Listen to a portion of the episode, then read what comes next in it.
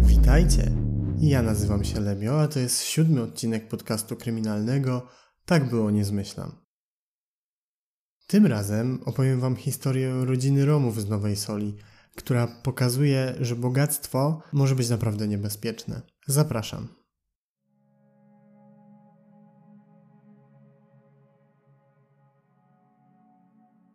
Na osiedlu domków jednorodzinnych w luksusowej willi przy ulicy Narutowicza 4 mieszka Waldemar Huczko, którego bliscy nazywali Lalek, uroczo.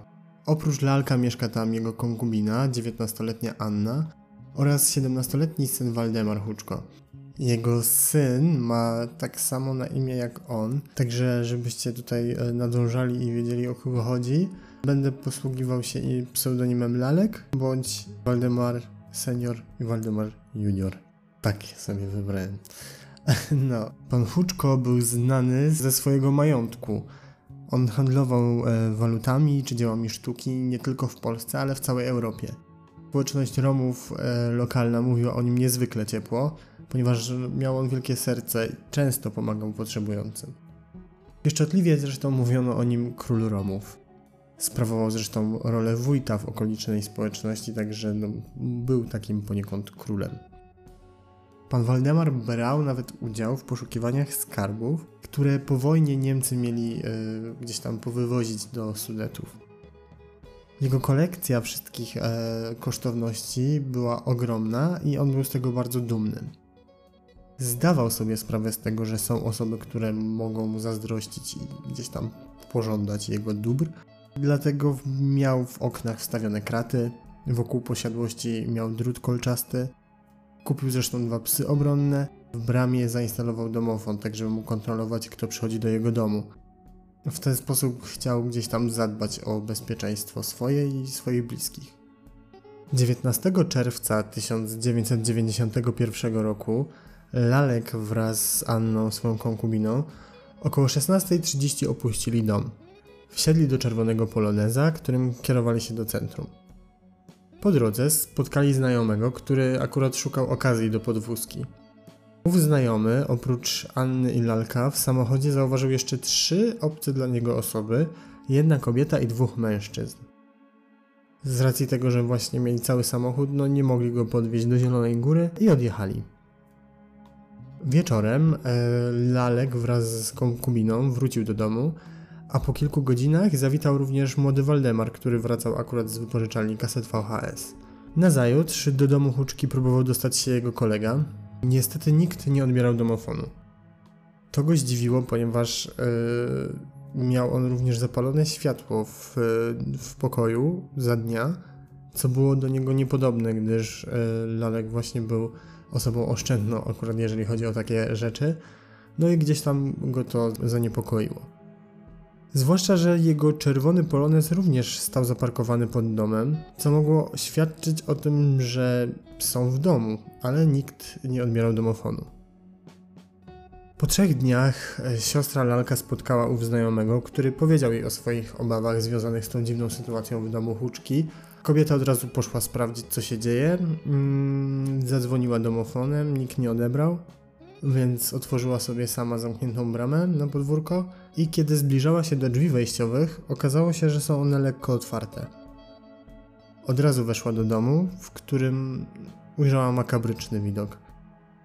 Ciała trzech osób, lalka, Anny i właśnie młodego Waldemara. Całe mieszkanie było splądrowane. Wszędzie były porozrzucane jakieś przedmioty, powywracane meble, Skradziono m.in. złoty sygnet z grawerem, złoty zegarek z bransoletą, złoty medalion, pierścionki, brylanty, komplet sztućców oraz złote jajo w Faberże. Z tym złotym jajem w to w ogóle były jaja tak naprawdę, ponieważ może jak ktoś nie wie, to, to były takie mm, dzieła sztuki złotniczej z czasów mm, cara Mikołaja II. To były takie jajka, takie rękodzieło wykonywane na zamówienie, też właśnie przez e, jubilera pana Petera Karla Faberże. Mm, one były ze złota, ze srebra, z jakichś kamieni szlachetnych, masy perłowej. Ich wartość dzisiaj to jest w ogóle horrendalna. Mm, w każdym razie e, nie wiadomo, czy celem złodziei było to jajo, czy oni skradli je przez przypadek. No i do dzisiaj tak naprawdę nie wiadomo, czy to było oryginalne jajo, czy to był falsyfikat. Zdania są podzielone, a świadkowie, którzy widzieli to jajo na własne oczy, sami potem często zmieniali zdanie. No i do dzisiaj nie wiemy.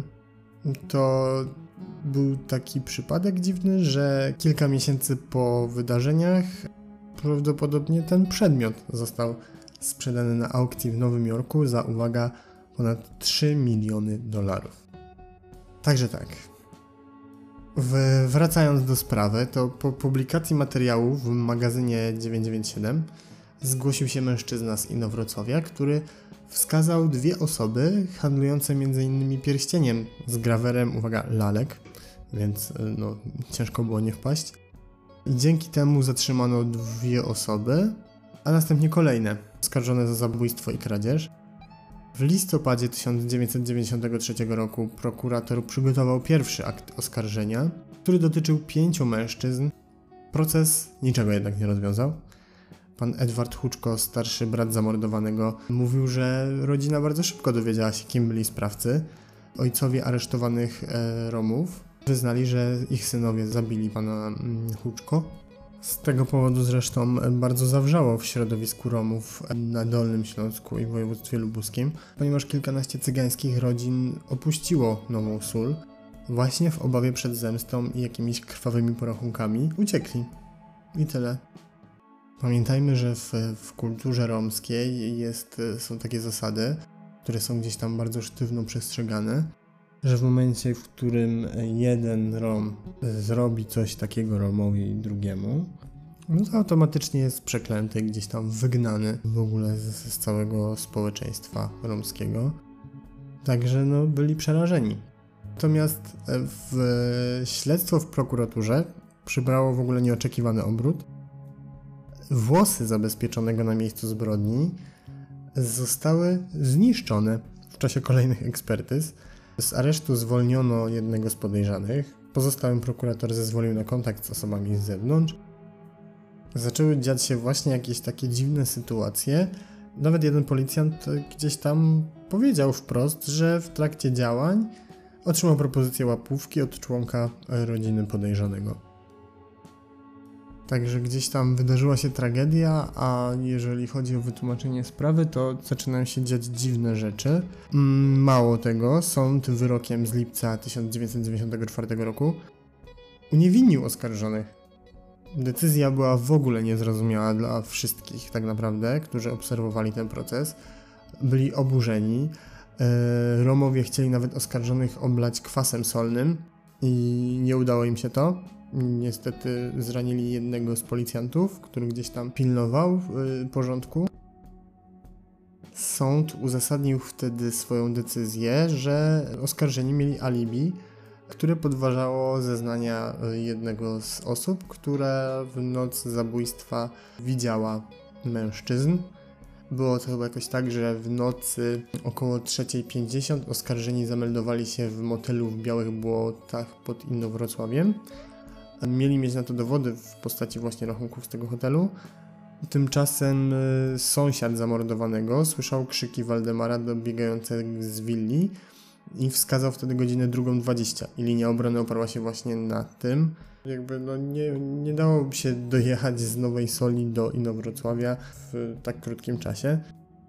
Dlatego stwierdzili, że po prostu no, oni nie mogli zamordować rodziny nie mogli pojechać do hotelu. W rezultacie Sprawa wróciła i tak do prokuratury i ruszył na nowo proces i całe śledztwo. W październiku 2002 roku rozpoczął się drugi proces oskarżonych o zabójstwo wójta. W ławie oskarżonych zasiedli Jacek D. o pseudonimie Dombas i Szymon G. o pseudonimie Cygan. Takie wyjątkowe. Aleksander G., Zbigniew W. oraz Hieronim D.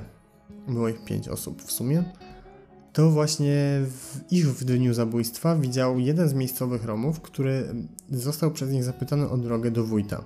Ci panowie pytali, ponieważ nie byli z Nowej Soli i mieli mieszkać w jednym z hoteli w pobliżu. No i ten pan powiedział, proszę tam jechać, tam, tam mieszka pan wójt. Dwa dni później Te same osoby próbowały w Niemczech sprzedawać zdobyte kosztowności. Siedzący w ławie oskarżonych usłyszeli więc zarzut zabójstwa rodziny. Wróćmy w takim razie jeszcze raz do tego wieczora, e, kiedy Lalek e, z konkubiną wrócili do mieszkania, ponieważ w końcu dowiedzieliśmy się, co się wtedy wydarzyło. Wrócili do domu, Anna przygotowywała na kolację kurczaka, po zjedzeniu poszła do sypialni i przygotowywała się do snu. Koło 22 rozległ się dzwonek domofonu. Mimo późnej pory otwiera drzwi i wpuszcza dwóch mężczyzn, pan Lalek. Także no, musiał znać te osoby, tak? Nie, on miał te wszystkie zabezpieczenia, które pozwalały mu na to, żeby dopuszczać do domu tylko ludzi z bliskiego otoczenia. Zaproponował im kolację. Oni podziękowali. Pokazali mu wisiorek, który przynieśli na sprzedaż. Lalek gdzieś tam się mu przyglądał i chciał y, sięgnąć po lupę, y, którą zawsze brał, żeby sprawdzić po prostu wartość przedmiotu z bliska. I w tym momencie napastnicy rzucili się na niego, krępowali mu ręce przewodem telefonicznym i sznurem, zaczęli go bić, zaczęli go kopać. Wypytywali go ciągle o to, gdzie trzyma swoje kosztowności. Lalek ciągle milczał, więc oni raz po raz zadawali mu kolejne ciosy. Dombas był najokrutniejszy. On najbardziej chciał egzekwować wszystkie kosztowności od Waldemara. To był taki typ, że niczego się raczej nie boi. Zresztą w późniejszym śledztwie on gdzieś tam zawsze był e, tym takim cwaniakiem największym. Pan e, Waldemar nic e, nie zdradza mimo wielkiego bólu i, i gdzieś tam cierpienia, które jest mu cały czas zadawane. No i wiadomo, jakby ta cała sytuacja wyrządziła hałas co Anna gdzieś tam się zaniepokoiła, zbiegła na dół, sprawdza co się dzieje, no i jak napastnicy ją zauważyli, to rzucili się na nią, rzucili się na nią z nożem. Najpierw gdzieś tam pięścią uderzyli ją w twarz, złamali jej nos. Zaczęli szantażować pana Waldemara, że w momencie, w którym on im nie powie, gdzie są wszystkie jego kosztowności, no to oni ją zabiją. Pan Waldemar gdzieś tam dalej zaciskał zęby i, i oczy i po prostu no, milczał, więc podrażnęli Anni gardło. No i na samym końcu zabili pana Waldemara. Około 23 e, wrócił syn Waldemara z wypożyczalni kaset. On sobie lubił e, gdzieś tam oglądać e, filmy w weekend.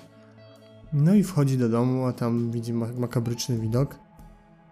Pies przerażony wtedy zostaje ogłuszony, zaciągnięty do kuchni, gdzie napastnicy zabijają go zresztą tak samo jak resztę członków rodziny.